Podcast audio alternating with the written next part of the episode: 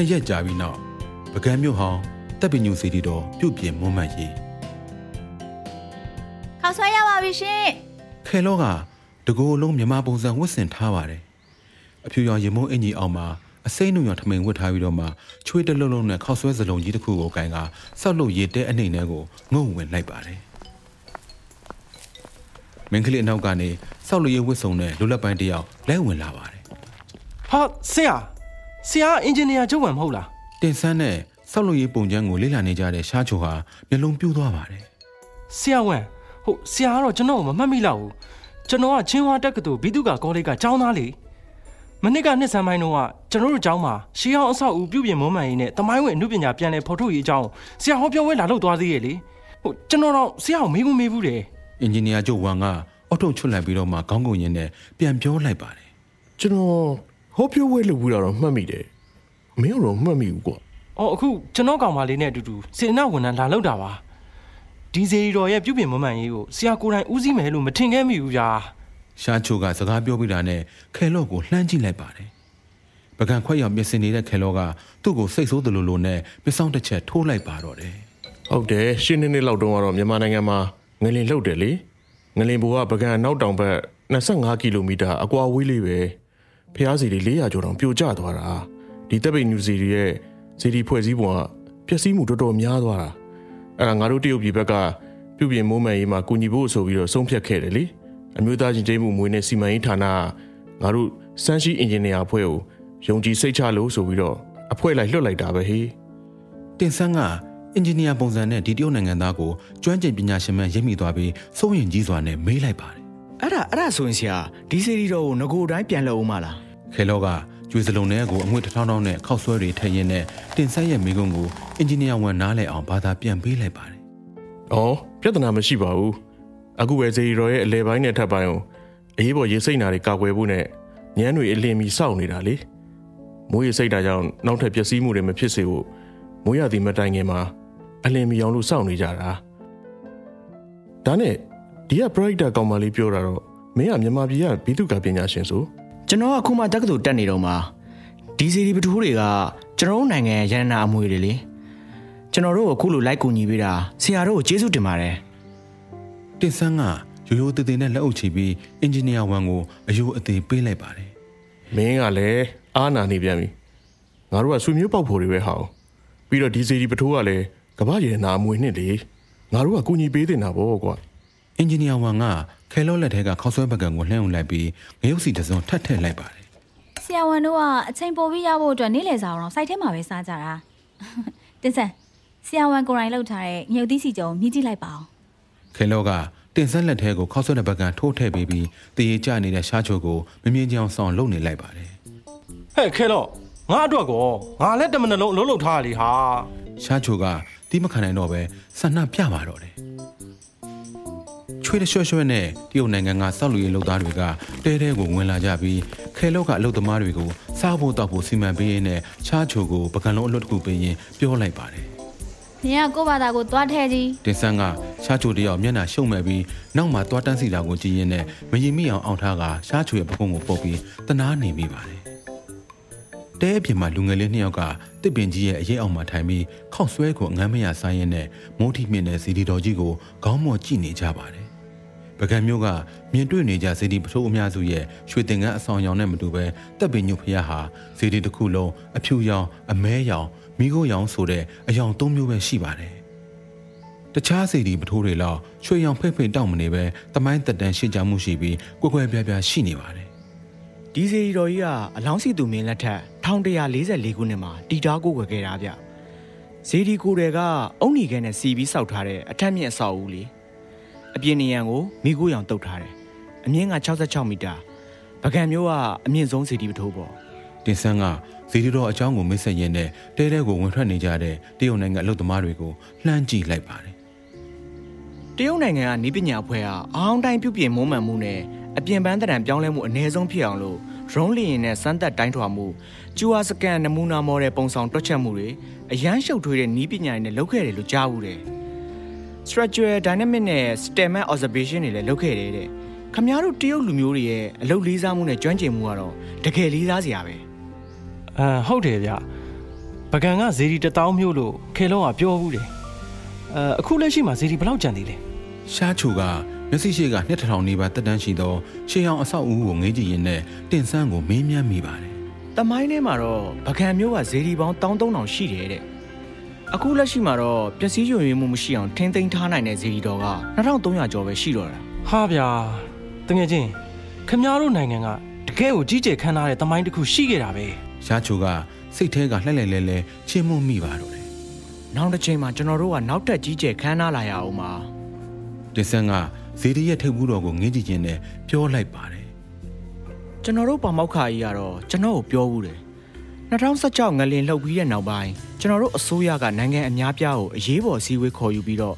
ပျက်စီးသွားတဲ့ဇေဒီပထိုးတွေကိုပြုပြင်မွမ်းမံတဲ့နေရာမှာဝိုင်းဝန်းကူညီပေးဖို့အကူအညီတောင်းခဲ့ဘူးတယ်။ဒါပေမဲ့အချို့နိုင်ငံတွေကရင်းနှီးထောက်ပံ့မှုမပေးကြကြဘူး။အချို့နိုင်ငံကြတော့လည်းဤပညာခက်ခဲတွေရှိတယ်။အဲ့ဒီအမှတရုတ်နိုင်ငံတစ်ခုကပဲကျွန်တော်တို့ဘာမှမပြောပဲကူညီပေးခဲ့တာဗျ။တငယ်ချင်းမိတ်ဆွေဆိုတာခမ ्या ပြောသလိုပဲအပြန်အလှန်ကူညီရတယ်လေဗျာ ကျွန်တော်ရေခဲကြောက်ကဘာပေါ်မှာပြုတ်ကြတော့ကလေခမ ्या ပဲကျွန်တော်ကိုအချိန်မီလက်ကမ်းခဲ့တာကူညီခဲ့တာပဲမဟုတ်ဘူးလားခမ ्या ကိုကျွန်တော်ဘယ်လိုခေါ်ရမလဲဆိုတော့ဟိုခဲတော့အဲ့ဒီစကလုံးကိုသင်ပေးဘူးတယ်ဗျ။အော်မှတ်မိပြီ။ဂျေဇူးရှင်မွန်လွဲပိုင်းရဲ့နေအောင်ကြီးဟာကိုယ်ဝိုင်စီးဆင်းနေတဲ့ AR မြစ်ပေါ်မှာရောင်ပြန်ဟပ်နေပါတယ်။မျက်နှာပေးကဖျားစီတီပထိုးတွေကဒီရှေးဟောင်းမြေကြီးပေါ်မှာအလှဆင်ထားတဲ့ဗရမားတွေနဲ့ဆင်တူပါတယ် ဒီလိုများပြတဲ့ဖျားစီတီပထိုးတွေကြားကနေမြင်းလဲတစ်စီးဟာပုံမှန်အရှိန်လေးနဲ့သွားနေပါတယ်မြင်းလဲအနောက်မှာတော့လူငယ်၃ယောက်အတူတူထိုင်နေကြပါတယ်ရှားချိုနဲ့ခဲလောကအရင်တော့ကလိုမျိုးတယောက်တစ်ခွန်းစကားမများကြပဲထူးဆန်းစွာနဲ့ငြိမ်သက်နေပါတယ်အတန်ကြာတော့မှရှားချိုကစကားဆပြောလိုက်ပါတယ်ခဲလို့နင့်ကငါတကယ်ဂျေဇူးတင်ပါတယ်ဒီလိုယဉ်ကျေးမှုအငွေအသက်တွေနဲ့ပြည့်နှက်နေတဲ့နေရာကိုခေါ်လာပေးလို့လေပြီးတော့တင်ဆန်းအောင်လည်းဂျေဇူးတင်တယ် ကျွန်တော်တို့နဲ့အတူတူပကံထိလိုက်လာပေးပြီးနားမလဲတာတွေကိုရှင်းပြပေးတဲ့အတွက်ပါတကယ်ကိုဂျေဇူးပါဗျာခဲလောကကောင်းလေးနှစ်ယောက်ကြားမှာထိုင်ရင်တစ်ခုခုကိုတွေးမိဟန်ဖြင့်အခုလိုပြောလိုက်ပြန်ပါတယ်ကျမလည်းရှင်တို့နှစ်ယောက်ကိုတကယ်ကျေးဇူးတင်ပါတယ်တခါမှမမြင်ဘူးမတွေ့ဘူးတဲ့တကယ်ကိုအံ့ဩစရာရှင်ကျေးမှုအမွေအနှစ်တွေကိုကျမနဲ့အတူတူလိုက်ကြည့်ပေးရတဲ့အတွက်ပါကျွန်တော်လည်းထူးထူးခြားခြားလေးတွေ့ကြုံခံစားရတယ်ဗျကျွန်တော်ကတမိုင်းဝင်အစာအုပ်ထိမ့်သိမ့်ပြုပြင်ရေးကိုတင်နေတာ ခမ ्या တို့လည်းသိပါတယ်ဘကောင်ကျွန်တော်ရောက်ခဲ့တာအခောက်ပေါင်းမနေတော့ဘူးဒါပေမဲ့ဒီတစ်ခေါက်ခမ ्या တို့နဲ့အတူတူသွားရတာကအရင်တော့အခောက်တွေနဲ့တော့မတူဘူးဗျ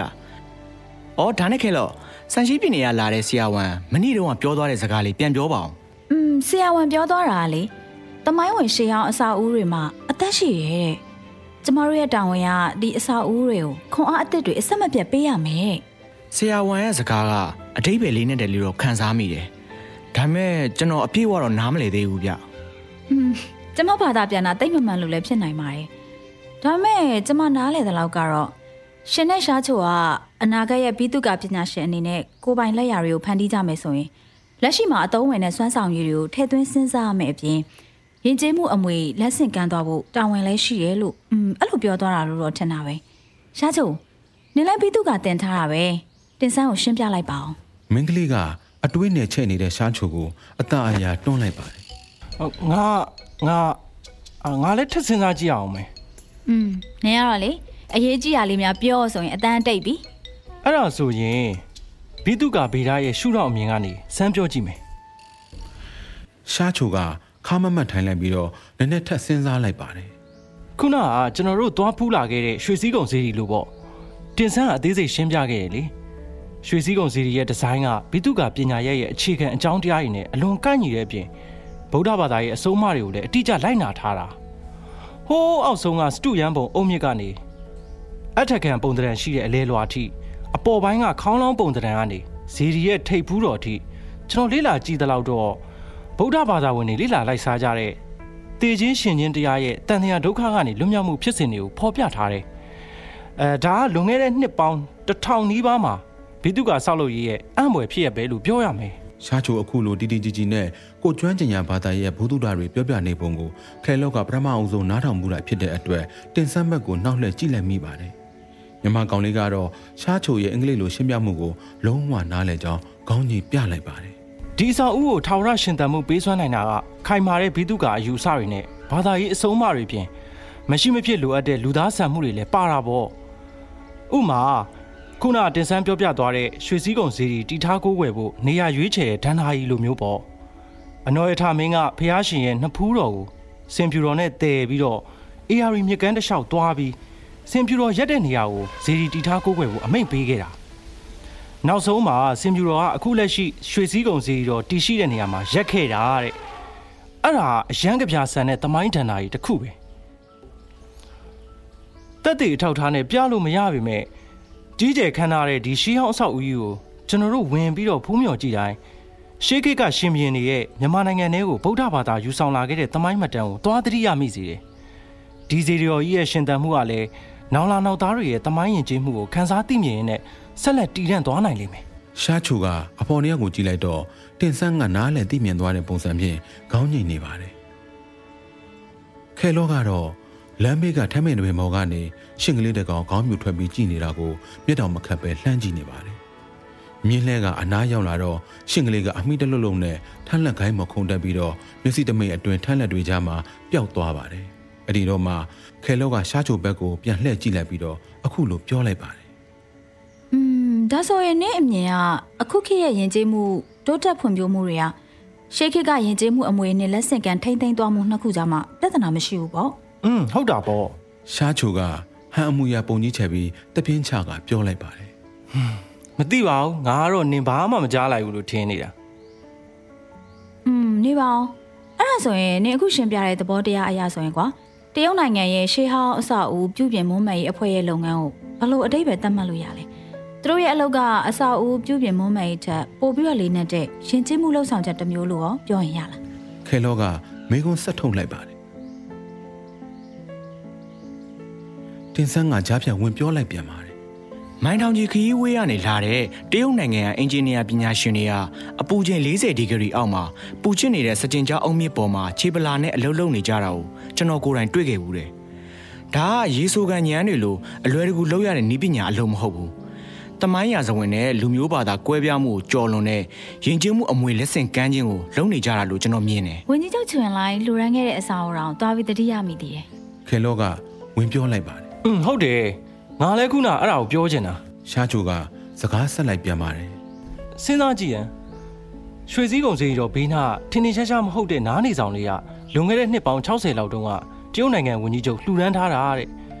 နားနေဆောင်ထဲမှာအရေးဝင်ခိုကြတဲ့ပြည်သူတွေအမတ်တရပစ္စည်းတွေနဲ့ပန်းနေရောင်းတဲ့ကလေးတွေကိုမြင်ပြီးတော့ဟိုနင်ဘယ်လိုခံစားရလဲ ဘယ်လိုခံစားရလဲဆိုတော့อืมစိတ်ထဲမှာအယမ်းအေးချမ်းတာပဲအော် အေးချမ်းနေဆိုတာထက်ငြိမ်းချမ်းတယ်လို့သုံးရင်ပုံမှန်မဲလို့ထင်တယ်ခဲလောကပြန်ဖြေလိုက်ပါတယ်။อืมဟုတ်တယ်ကျွန်တော်အပြည့်အဝထောက်ခံတယ်။ငင်းညမ်းမှုလို့ပြောတာမှန်တယ်။ဒါကိုတာမန်နားနေဆောင်လေးတစ်ခုပဲလို့မထင်လိုက်နဲ့။ဒီနေရာကယာစုနှစ်ဝက်နီးပါးဖျားလာဖို့ကြတဲ့ဗုဒ္ဓဘာသာဝင်တွေကိုမိုးလုံလေးလုံးနဲ့အရေးကိုအနားယူဖို့နေရာတစ်ခုပေးခဲ့တာလေ။ပြီးတော့ရွှေစည်းကုံစီရီတော်ဘေးနားလေးတင်ပဲ။ ကျွန်တော်ပြောပြချင်တာကမြန်မာပြည်သူတွေရဲ့စိတ်ထဲမှာဒါဟာကျွန်တော်တို့တန်ဖိုးထားဆုံးဂယုဏမေတ္တာတရားထားခြင်းဆိုတဲ့ဗုဒ္ဓဘာသာအဆုံးအမကိုဖော်ပြတဲ့နည်းပေါ့။စိတ်နှလုံးသားငြိမ်းချမ်းမှုကိုရယူနိုင်တဲ့အဓိကအကြဆုံးလမ်းစဉ်လို့ပြောလို့ရတယ်။ခမားပြောတဲ့သဘောတရားရဆိုရင်တင်ဆန်းကရှားချိုဘက်ကိုလှည့်ပြီးတော့မှပြောလိုက်ပါတယ်ဒီဟာလဲရှေးရောက်ယဉ်ကျေးမှုတည်တံ့ရင်းနဲ့လက်ဆင့်ကမ်းမှုရဲ့အသက်သွေးကြောပဲပေါ့ဗျာอืมရှင်ပြောတာလည်းမစိုးပါဘူးကျမရှင်ကိုစုချမယ် ခဲလောကတင်ဆန်းရဲ့ဟန်ဖုန်းကိုလှမ်းယူလိုက်ပြီးဟော်ထရန်ကြောင်းနဲ့လှုပ်ထားတဲ့ယူရီပုံဆွဲသီးလေးကိုချိတ်ပေးလိုက်ပါတယ်ဘယ်လိုလဲကြည့်ကောင်းရဲ့လားဒါကတရုတ်နိုင်ငံရဲ့ရှေးခေတ်ပစ္စည်းယူရီပေါ့တမန်တဘာဒရာဗုဒ္ဓရဲ့တကိုးလက်နဲ့လေကိစ္စအဝါဝအဆင်ပြေချုံးမွေးပါစေဆိုတဲ့အတိတ်ပဲရှိတယ်ပြီးတော့ကံကောင်းခြင်းနဲ့ငြိမ်းချမ်းမှုဆိုတဲ့အတိတ်ပဲလည်းပါတယ်ဒါကရွှေယူရီဒီဇိုင်းပုံစံရဲ့မူရင်းပေါ့တင်ဆန်းကမင်းကလေးလက်ထဲကဖုန်းချင်းကျုံးလေးကိုယူလိုက်ပြီး မြင်းအောင်ထဲကိုတဖြည်းဖြည်းနှုတ်ဝင်သွားတဲ့နေဝင်စည်းစာရှေ့မှာတော်တော်ကြာအောင်ကြည့်နေမိပါတယ်အာတော်တော်လာတာပဲဗျဒါ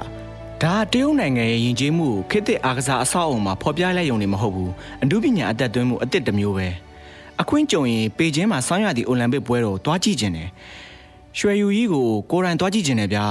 အေးဗျာခမရလာပြည့်အောင်လာနော်ပြီးတော့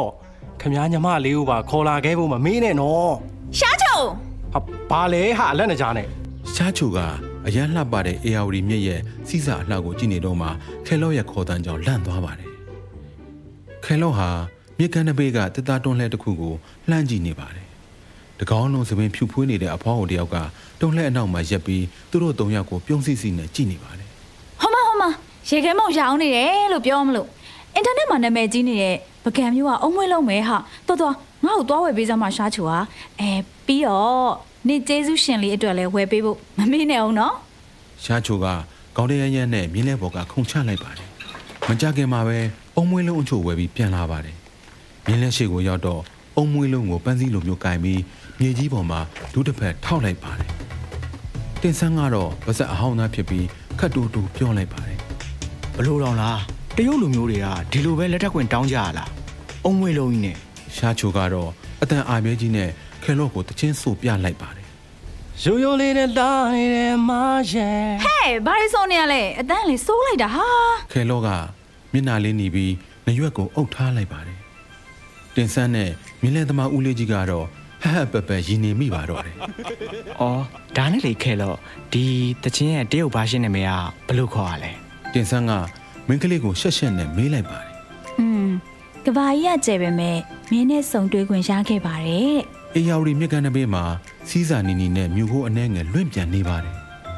စီဒီပထိုးတွေကလည်းနေဝင်စီးစာကြောင့်ရွှေရောင်ဝင်းပါနေပြီးအုံးပင်တွေကြားမှာပေါ်လိုက်ပြောက်လိုက်ဖြစ်နေပါတယ်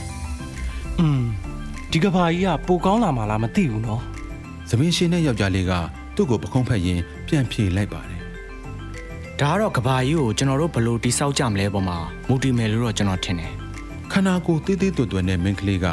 ကောင်လေးနှစ်ယောက်ရဲ့လက်မောင်းကိုဖတ်ထားရင်းပြောလိုက်ပါတော့တယ်ကျမတို့ရှိနေရင်ဒီကဘာကြီးကပိုပြီးကောင်းလာမှသိကြတယ်။